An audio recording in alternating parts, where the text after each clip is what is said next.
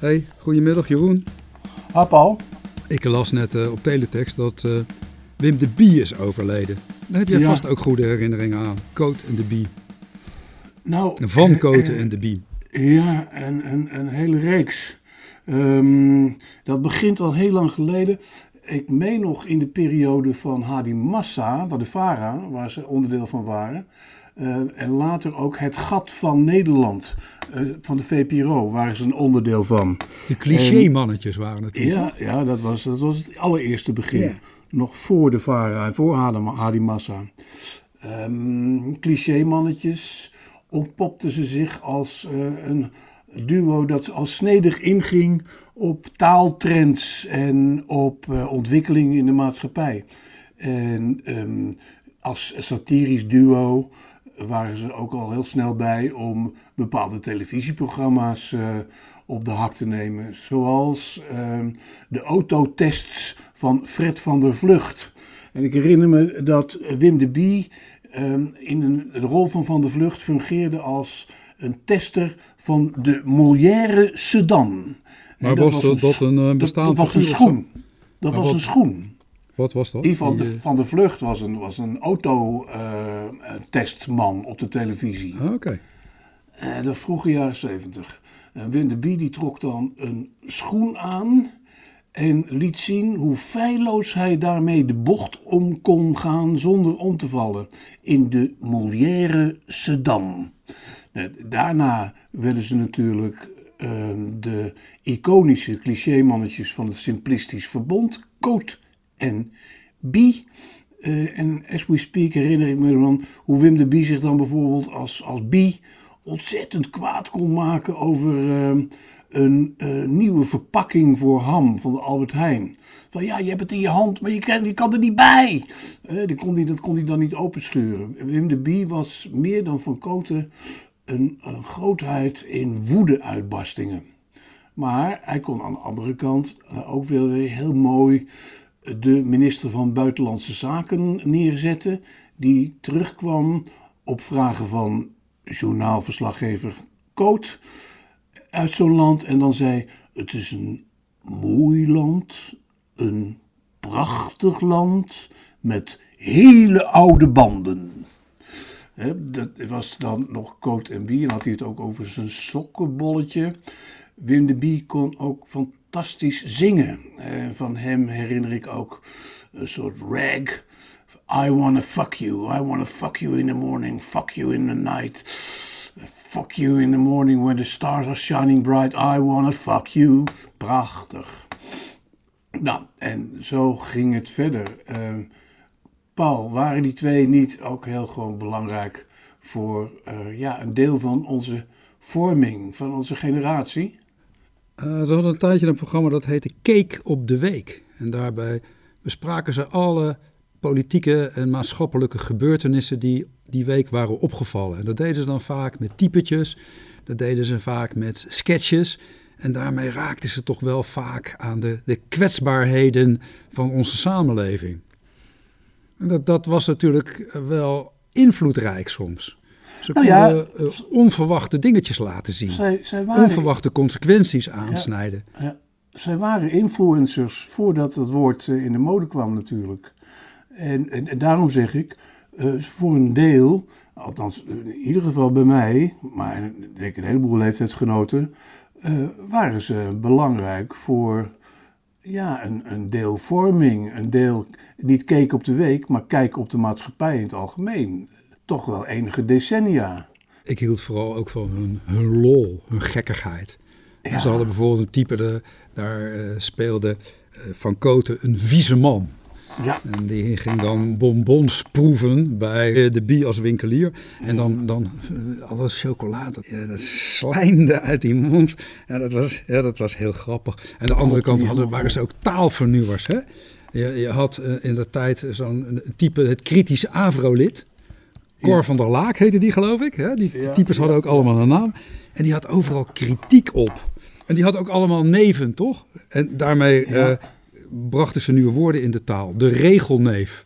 herinner ik mij. Dus iemand die altijd alles tot in de puntjes wilde regelen. Hè? Dat was hij ook. Dan ging hij kijken of het stoplicht wel uh, lang genoeg op rood en lang genoeg op groen stond. En dan ging hij dat tellen en als het niet goed was, dan schreef hij boze brief of ging hij bellen. Ja, dat was wel grappig allemaal. Ze munt in het begin van de jaren tachtig, toen alles nog crisis alom was, grote werkloosheid, somberheid en zo, waar ik ook wel aan meedeelde, munten zij ook de term doemdenken. Ja, doemdenken, ja, ook zo'n woord. Vooral om, daar, vooral om daar op tegen te zijn. Ja. En, uh, Somberheid, natie... doemdenken, overal de, de narigheid in zien. Het was in de tijd dat we ook bang waren voor een atoombom. Ja. De tijd dat Doe maar ook een grote hit had met Als de bom valt. Ja, nou ja, dat, dat, was doemdenken. Dat, dat, tijdsbeeld. En, uh, daar Doen we dat nu te weinig overigens, uh, doemdenken? Of? Nou, uh, het, bedoel, de, de, de, tijdgeest is er wel weer naar. Om daar, om daar vooral voor te waken. En dan ook die, die term indachtig. Dit ontstond in um, een periode dat uh, ze na de avondvullende shows, weet je dat nog? Het, het avond van het sympatheplisme. Nee. Oh, dat, dat, was een uitzending van een uur of tweeënhalf, drie. Waarin ze een eenakter speelde van Harold Pinter. Met uh, echt briljant spel van Van Koten vooral. Guus, geef me mijn nef, geef me mijn nef, Guus. Harold Pinter. Ja, het waren Hagenaars. Hè? Ja. En de tegenpartij, dat is natuurlijk iets wat zij in het leven hebben geroepen. En de tegenpartij, die zie je nu overal uh, verschijnen. Nou ja, dat, die, dat, is nog heel actueel natuurlijk. De tegenpartij was ongeveer gelijktijdig met het doemdenken. Maar ze getuigde daar ook weer van een hele waakzame en alerte blik op ontwikkelingen in de samenleving en ook in de politiek. In de politiek. En de tegenpartij was er voor iedereen. Voor jou en voor mij. Geen gezeik, iedereen werkt. Voor iedereen, weet je. Jacobsen en Van S. Ja. Nou, die waren allebei zo link als een looie deur. Kees was de slimste. Wim de Bie was een beetje de dommerik van, het, van, het, van, de, van die twee. En uh, gingen ze mensen neutronenkorrels aansmeren. Neutronenkorrels. Mevrouw, u heeft neutronenkorrel nodig. En uh, Maison Pretty Boy, spreekt u mee? Ja, ze, ze runden ook een bordeel, geloof ik. Hè? Ja. ja, ja, Maison Pretty Boy. Ja, ja, ja, maar het sterkste was um, de, de, de, de waarschuwing voor populistisch rechts. Het was populistisch rechts. Ja, ja de tegenpartij is er voor iedereen. Dat, dat, dat, die term goed gemunt, weet je. Dat uh, is er voor iedereen. Dat is dus per definitie ja, populisme. Je hebt overal een oplossing voor. Ze hadden ook overal een oplossing voor. Ja, ze hadden ook een hele grappige landkaart met uh, waar bepaalde bevolkingsgroepen uh, huisden. Herinner ik me nog, een hele merkwaardige landkaart van Nederland. Ja, ze wilden het migratieprobleem oplossen door Zeker. er speciale provincies voor te benoemen. Ja, dat was natuurlijk pure scherts. Hè? Eh, maar je had dan uh, ja, de mensen uit Turkije, die konden dan in Friesland wonen. De, de mensen uit uh, Pakistan, die konden dan in Brabant wonen. En zo hadden ze de hele, hele landkaart verdeeld. Ja, Brabant. gelukkig is het nooit zo ver gekomen. Nou, maar ze hadden ook wel heel feilloos door wat er speelde. Ze werden dus bang voor hun eigen succes, had ik het, het idee op een gegeven moment. Hè? Ook dat. Ze werden te populair. Was er een, uh, een uh, opiniepeiling waar we ze vroeger van als ze zich verkiesbaar zouden stellen, zou je dan op stemmen? Kwamen ze tot, tot nou, een behoorlijk aantal stemmen. Ja, toen hebben ze zichzelf laten ombrengen op het Binnenhof met die, met die grote slee. En niet, niet uh, kort daarna, kort daarna juist, uh, kwamen ze weer in beeld als de burgemeester en wethouder van Juinen. Is ook een topcreatie. Wethouder Hekking. Heel zeker, meneer de burgemeester. En burgemeester was Wim. Er was uh, ook dat weer een geweldige satire op uh, bepaalde sferen in de maatschappij. Die, die, die nog herkenbaar zijn. Wat was nou de specifieke rol van Wim de Bie? hij is vandaag overleden, we hebben het net gehoord. Wat was zijn, zijn verdienste? Nou, misschien was hij meer de denker van de twee. Uh, wat ik al zei, hij kon geweldig fulmineren. Hij, hij was een onafhankelijk denker. En dat, dat kwam nog het best tot uiting in het personage van de kluizenaar Walter de Rochebrun. En in die karakterisering kon hij, net als uh, de leraar Duits meneer Foppe, zich geweldig druk maken over uh, bepaalde ontwikkelingen. Dan ging hij solistisch tekeer. Dan had hij Kees van Koten even niet bij nodig. Het was een onderdeel van zijn, van zijn veelzijdigheid. Heel grappig en dan ook weer woedend. Helaas uh, ja, moest op zeker moment Kees van Koten melden dat hij het niet meer trok. Hij had het nog een tijd lang volgehouden eh, in loyaliteit met Wim. Maar hij was uitgespeeld. En ze hadden het uh, toch een aantal decennia heel goed gedaan met z'n tweeën. Ja, knap.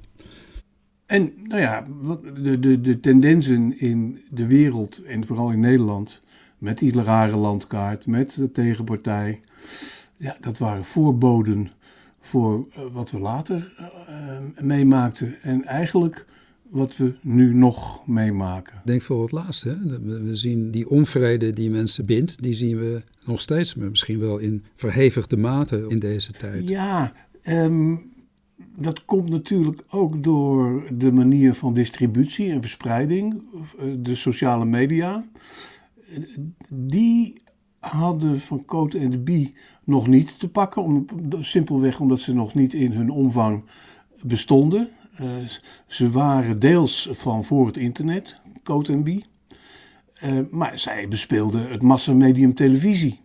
De, de, de, onvrede, wil ik maar zeggen, is in contrast met toen uh, ook toegenomen omdat er zoveel extra kanalen zijn om hem te spuien. En uh, ook nogal ongehinderd. Nou ja, dat blijkt dan wel weer uit de jongste verkiezingsuitslag van de provinciale staten. Um, maar is het niet dat de samenleving ook dusdanig veranderd is en dusdanig gecompliceerd is geworden dat er ook heel veel mensen het gevoel hebben in de kou te staan? Ja, Ah, daar ook wel eens vaker Niet gehoord. Het verdwijnen hè, van, van voorzieningen. Het, uh, het, het, gevoel alleen te staan. Het, het niet gehoord worden. In hun directe omgeving met problemen geconfronteerd worden die blijkbaar niet oplosbaar zijn. Het toenemen van een enorme bureaucratie.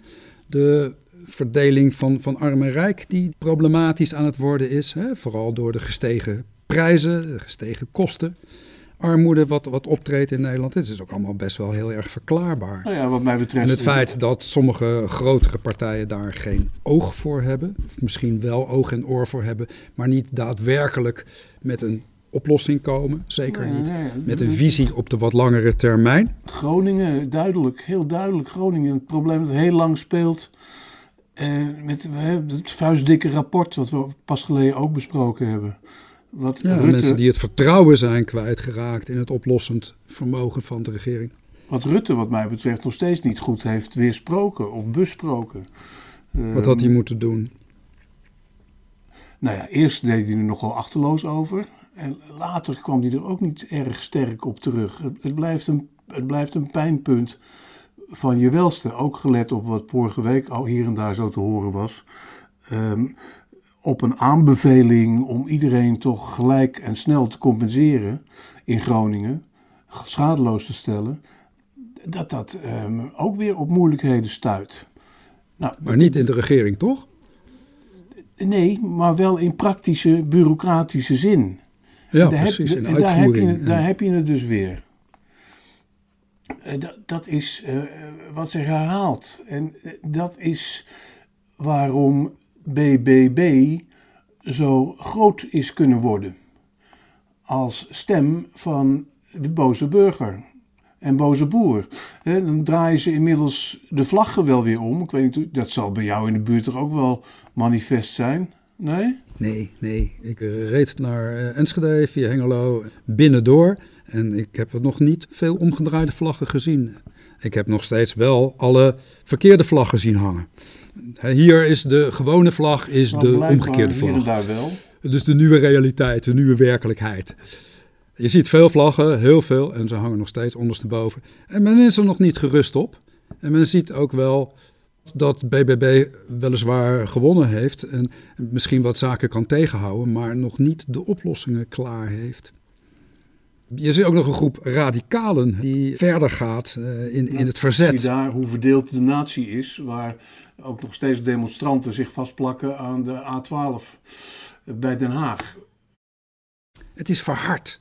En die verharding die zullen we eerst moeten oplossen. En ik heb het idee dat mevrouw Caroline van der Plas daar wel toe in staat zou kunnen zijn. Om te komen met een visie op een wat langere termijn. En ja, dan mag het wat langer duren. Nou ja, ze heeft in ieder geval verstand van de sector. Ze heeft er natuurlijk als journalist in gewerkt. Uh, alleen uh, praat zij wel heel erg namens de sector. En uh, ze is niet te categoriseren als volledige klimaatontkenner. Maar ze heeft er wel een neiging toe. Um, ik denk dat het objectief vaststelbaar is, hebben we toch ook al vaker besproken, zonder dat we nou het grote gelijk in pacht hebben, dat, dat, dat Nederland in zekere zin uit zijn voegen barst. Het, de, de ontwikkeling en de innovaties en de stapeling van veestapels in enorme schuren.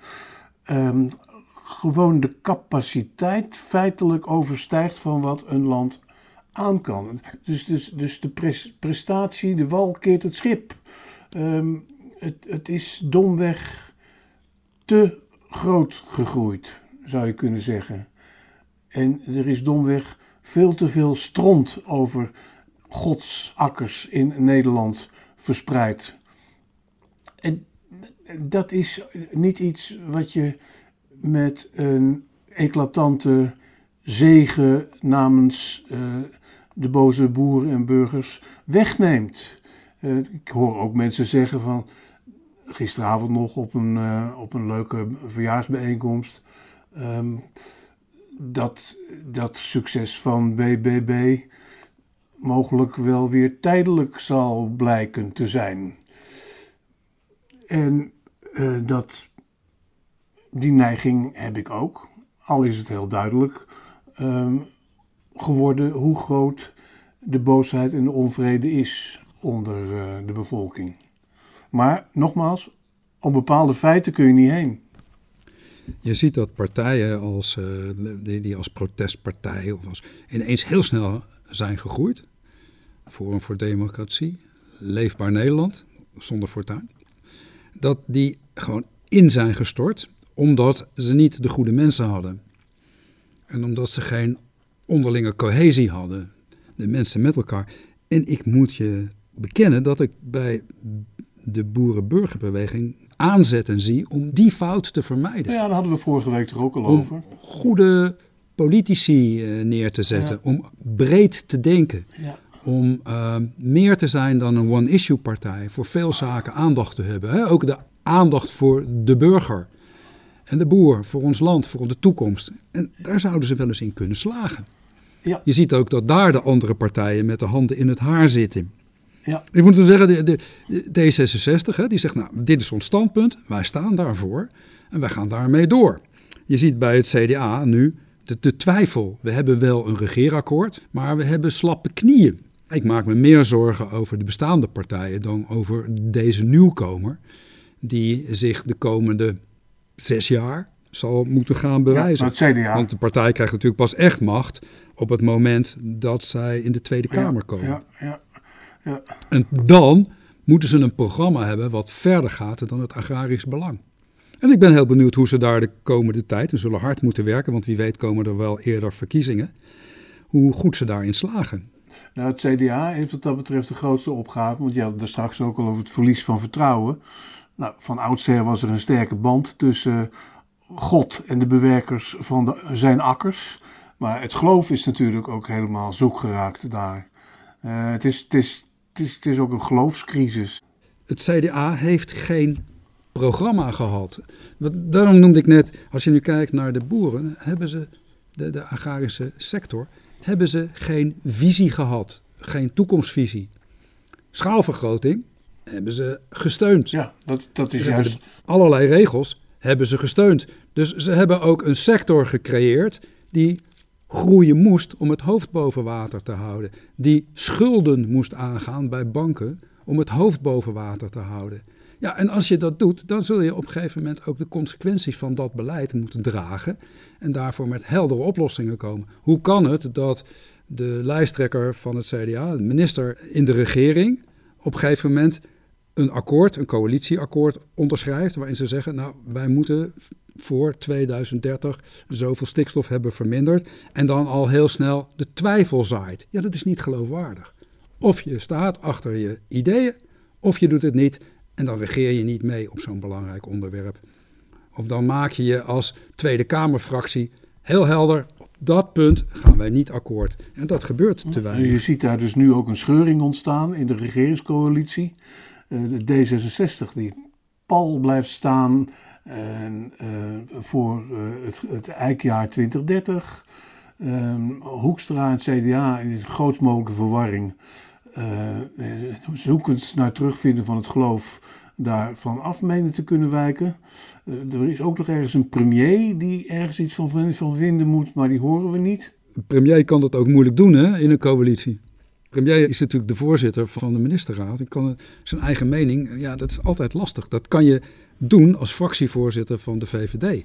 En je kan als fractievoorzitter van de VVD wel degelijk wat oppositie voeren, zij het eh, voorzichtig tegen je eigen kabinet. Dat hoeft helemaal geen probleem te zijn. Maar dat is ook iets wat verdwenen is. Nou ja, eh, Maar de minister-president is altijd lastig. Die moet het regeringsbeleid verdedigen. Dus die kan niet zeggen, ja, ik ben het niet eens met dit moet beleid. Dat kan niet. eh, als verdediger. Maar de VVD, de, de Kamer, de, de, de, de fractie, de partij waar hij lid van wordt, die Ja. kan dat dus wel. Ja. En dat zou meer moeten. Pieter Omtzigt heeft daar bijvoorbeeld ook in het Ja. verleden voor gepleit. Bestuurlijke vernieuwing. Ja. ja. Maar ja, de omstandigheden en de feitelijkheden. Eh, dat wat betreft de Nederland, Paul. Ehm, even, eh, wat ik toch ook wel eh, een paar hele eh, lelijke tendensen vind, is wat er nu echt deze dagen in Israël plaatsgrijpt. Ja, dat is afschuwelijk. Ja. Na hetgene wat er in Frankrijk is gebeurd. Nou, zullen we met Israël beginnen? Ja, Ja, in Israël eh, staat de democratie op het spel. ja. Daar wil Netanyahu de rechtspraak eh, toch een beetje gaan uitkleden. In ieder geval het Hoge Gerechtshof moet meer politiek gevoelig worden. En het parlement moet meer macht krijgen. Terwijl het Hoge Rechtshof er is om eh, recht te spreken. eh, Om te zorgen dat wetten op een juiste manier worden nageleefd. En als daar te veel Ja, politieke invloed op komt, dan raken we dat kwijt. Maar wat je daar wat de ook... democratie betreft, Ja. wat de democratie betreft, valt dan wel op dat, we, dat het volk niet eens meer op verkiezingen wacht, maar eh, massaal en herhaaldelijk en stevig en robuust de straat op gaat. Ja, er is natuurlijk ook wel Eh. degelijk een, een, een tegenbeweging van, van mensen die eh, ook zien dat die democratie in het gevaar is. En je hoort, Wat zou tegenpartij in het, eh, het Israëlisch zijn? ja, nou, de minister van Defensie is vandaag eh, ontslagen. Die had zich Opgestapt. verzet tegen dit Ja. beleid. Maar Ja. aan de andere kant hebben we ook een minister van Financiën, Smotrich, die, eh, ik zal maar zeggen, vorige week een Poetintje deed. Door te zeggen dat het Palestijnse volk helemaal niet bestaat. Dat de Palestijnse cultuur niet bestaat. Dat Palestina niet be- bestaat. Nou, dat is natuurlijk bizar. En dat is hetzelfde wat Poetin deed over Oekraïne. En dat laat ook die antidemocratische tendensen zien. En dat is heel, heel dus griezelig. krijg je niet zomaar gelijk. Netanyahu is, is een man die eigenlijk in de gevangenis hoort. Ja. En die aan zijn veroordeling probeert te ontsnappen door in de politiek te gaan. Door premier te worden. En als je dan ook nog eens de rechters kan, eh, kan aansturen, dan wordt het wel heel erg Ja, lastig om dus, dus, dat is spreken. eng. Eh, Met, met, één, met één signaal, wat ik toch belangrijk vind, de omvang van het protest. Ja, dat is en- belangrijk. Dat Ja, je kunt is- het dit scharen onder de kleurenrevoluties. Hè? Bevolking die in opstand komt tegen antidemocratische tendensen van de eigen regering. Net zoals in Frankrijk. In Frankrijk vond ik het wel heel kras. En eh, Macron zal zijn redenen wel hebben voor zijn pensioenideeën. Maar ik, ken Frankrijk heel goed. Dat is een, dat is een, eh, protestland. Ja, er kan al jaren niets veranderd worden. Al, die al wat hebben- decennia lang niets veranderd worden. Ondanks de, de veel strakkere, sterkere vuist van de vakbonden in Frankrijk, is zo'n Macron toch net nog in staat om uit te groeien tot een Parijse dictator. Eh, met eh, aanhalingstekens. Ik vind het heel kras. Ja, waarom? Vind jij een, een pensioensgerechtigde leeftijd van 62 met oplopende staatsschulden, vind je dat gerechtvaardigd? Misschien niet. Kijk, wij, bij ons wordt het, is het 67, wordt het 68 in een euroverband, waarbij staatsschulden toch door partners in Europa worden afgedekt. We hebben dat in Griekenland gezien, waar ook zo'n situatie aan de orde is. Ja, dat is ook zo. Dat is ook zo. Er is een parlement en er is een, een regering, die willen dan op een gegeven moment iets veranderen. Dat, dat blijkt gewoon heel moeilijk te zijn. Ook daar is een onvrede wat zich op één Nou ja, punt dat richt. is eh, een- een- natuurlijk eh, één punt, wat symbolisch is voor veel grotere onvrede. Ja, En ook daar speelt natuurlijk het verdwijnen van de voorzieningen op het platteland.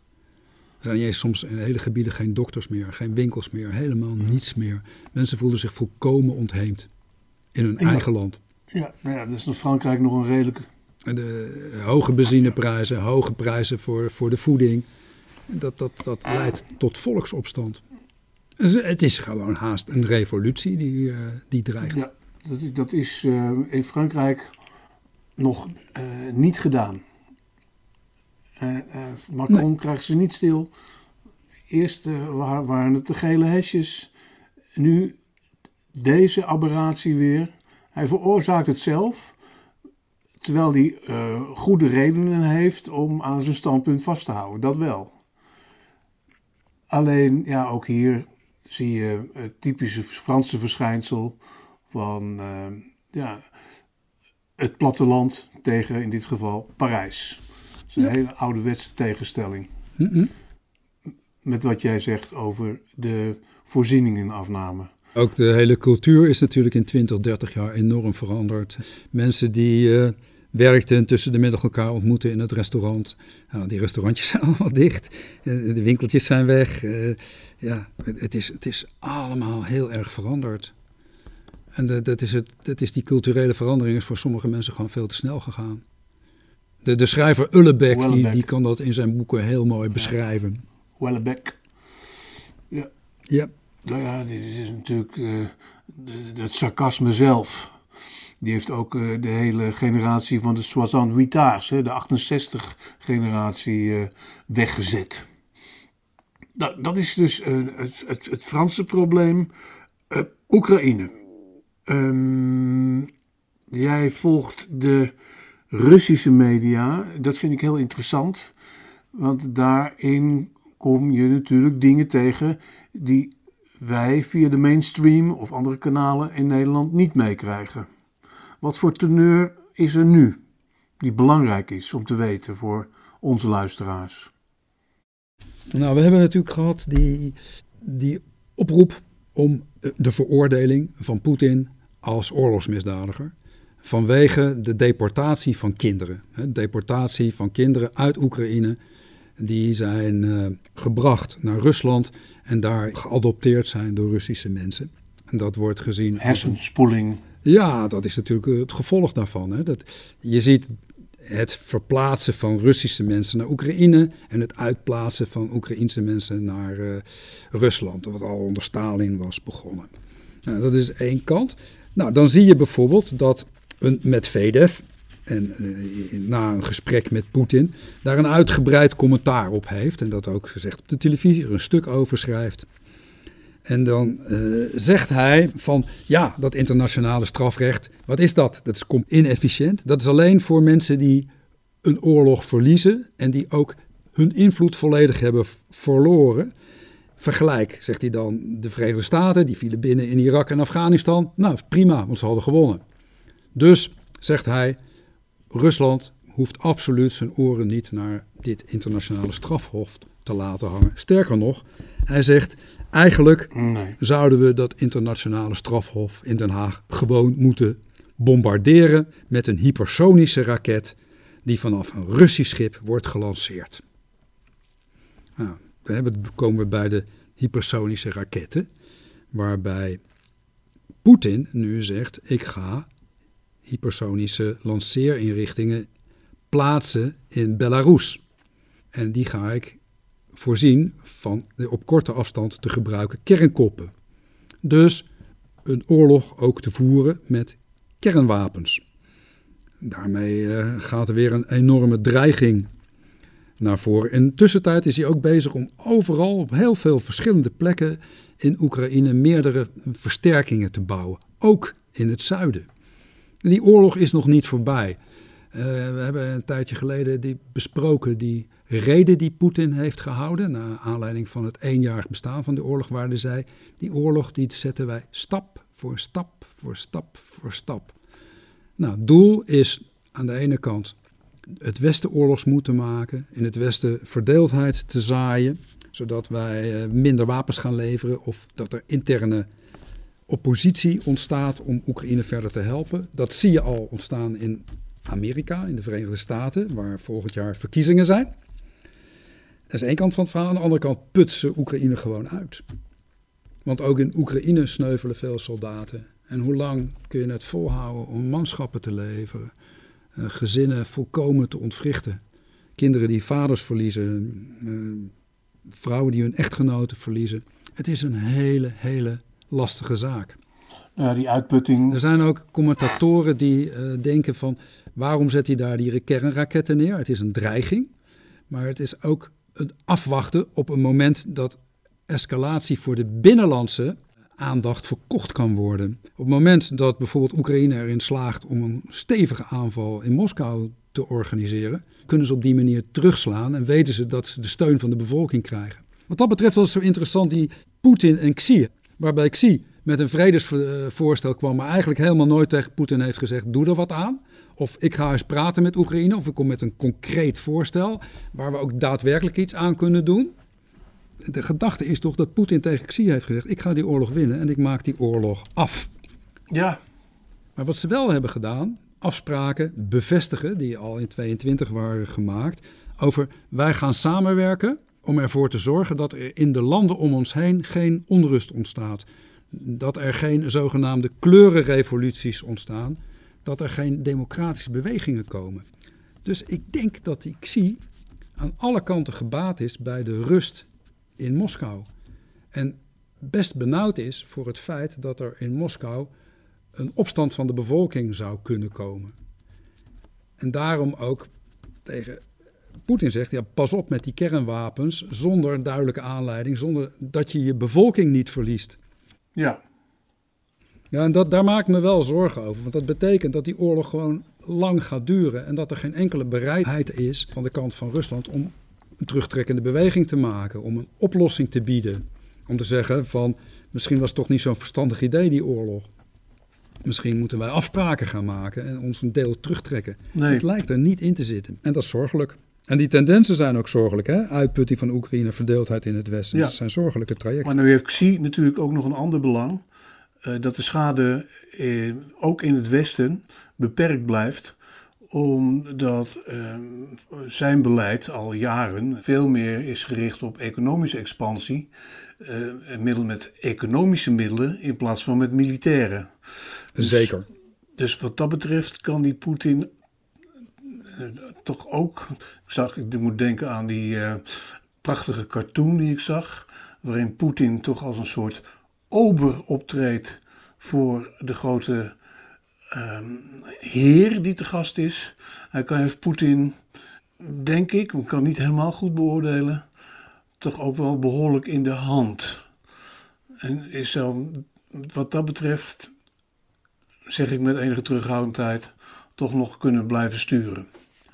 Dat vraag ik me af. Ik denk dat, dat hij, eh, als je kijkt naar Europa, dat hij wel degelijk een belang bij heeft dat Europa een, een goede afzetmarkt blijft voor Chinese producten. Ja. Dat die handel op gang blijft. Want ook de, rust in zijn eigen land is van belang. Kijk, dictators hebben altijd toch heel groot belang bij een zekere rust. Dat ze die bevolking een beetje onder controle kunnen houden. Nou, de rust is gebaseerd op veiligheid, dat de mensen zich in het land veilig voelen, en economische groei. Dus China moet economisch blijven groeien om de mensen tevreden te houden. Ik, ik heb wel eens gepraat met mensen die in China wonen en werken. En zij zeggen allemaal, joh, het is fijn in China. Want iedereen krijgt het beter. En er is geen misdaad meer. Het is oké. En dat idee, hè? Mm. de voordelen wegen tegen de nadelen op. En vrijheid is, is een kant van het bestaan die voor heel veel mensen niet gevoeld worden. Als ze de vrijheid hebben om een huis in te richten, de vrijheid hebben om uh, fijne dingen te doen, de vrijheid hebben om het beter te krijgen, de vrijheid hebben om op straat te lopen en veilig te zijn. Nou, dat is de ene kant. En dan zie je dat China groot belang heeft bij Europa als afzetmarkt. En aan de andere kant het wel leuk vindt als Europa en de Verenigde Staten een beetje uit elkaar worden gedreven. Ja, maar dan denk ik toch ook aan recente bezoeken van Scholz en Biden aan China. Dus er wordt op allerlei vlakken toch ook geprobeerd om eh, aan de andere kant die banden toch ook wel weer aan te halen. Het heeft ook allemaal economische belangen. Hè? Ja, maar dat is tegengesteld. Hè? Wat, ja. wat deed Scholz? Die kwam met een, een, eh, een, zak vol overeenkomsten thuis. Met economische overeenkomsten, onder andere over Volkswagen. Maar wat deed Biden? Juist productie terughalen. Biden zet eigenlijk het beleid van Trump voort. Bijvoorbeeld Apple gaat daar nu fabrieken weghalen. Ja. Apple bouwt er nu een fabriek niet in China. En dat is ook het beleid Amerikaans van, van eigen belang. Amerikaans eigen belang. Ja. Maar ja, wat, wat, wat de situatie in Oekraïne betreft, laat ik dan maar zeggen dat Xi uh, bij zijn bezoek eh, aan Rusland uh, de oorlog niet heeft verhevigd. Dat hoop ik. Ik ook. Kijk, die, die samenwerking, waar ze dus zoveel nadruk op leggen, het voorkomen van die kleurenrevoluties, dat heeft natuurlijk ook consequenties voor al die landen in Centraal-Azië. En wat apart is, dat bijvoorbeeld ook India zich daarbij aansluit. Dus India die komt langzaam ook in dat kamp. Die gaat uh, grote handelscontracten afsluiten met Rusland. Mhm. Met name om de grondstoffen. Nou, in India zie je op dit moment de censuur sterk toenemen. Dus ook daar krijg je antidemocratische tendensen. En dat is ja, iets waar ik mezelf al zorgen over maak. Dat dit soort hele grote bewegingen de, de veiligheid in de wereld toch onder druk gaan zetten. En daar zullen we in West-Europa een nadrukkelijk antwoord op moeten formuleren. Ja. Is dat meer Europese samenwerking? Ja, dan zullen we ook nog heel veel werk moeten verzetten. Ja, ja. Kortom. Het zijn uh, lastige tijden, Jeroen. Het zijn ongekende tijden. lastige tijden. Ja, anders dan uh, de tijd van, uh, van Koten en de Bie, Jacobsen en Van S. De 70 jaren waarin wij opgroeiden. De tijd van de hippies, de tijd van ongebreidelde vrijheid.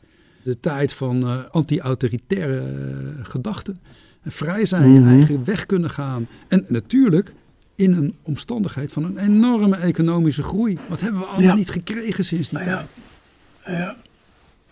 Dat beseffen we vaak niet hoe snel dat gegaan is. Dat we ineens in auto's kunnen, konden rijden. Dat we televisies kregen. Dat we mobiele telefoons kregen. Het is allemaal van de afgelopen jaren. Het is in, heeft zich in één generatie voltrokken. Maar ook in één generatie heeft zich voltrokken dat de biodiversiteit gigantisch is afgenomen. De generatie die nu opgroeit, die weet het helemaal niet meer wat het is om sloten vol met kikkers en vissen te zien. Die weet helemaal niet meer wat het is om, om overal vogels te zien vliegen boven de akkers. Er is enorm veel veranderd. En hoe ver kunnen we daarin doorgaan? We hebben een grote opgave voor de komende tijd. Het is een lastige tijd om thuis in te zijn, vind ik. We hebben nog heel veel te bespreken. Oké, goed. Laten we afronden. Ja, hoi. Tot volgende week. Joep.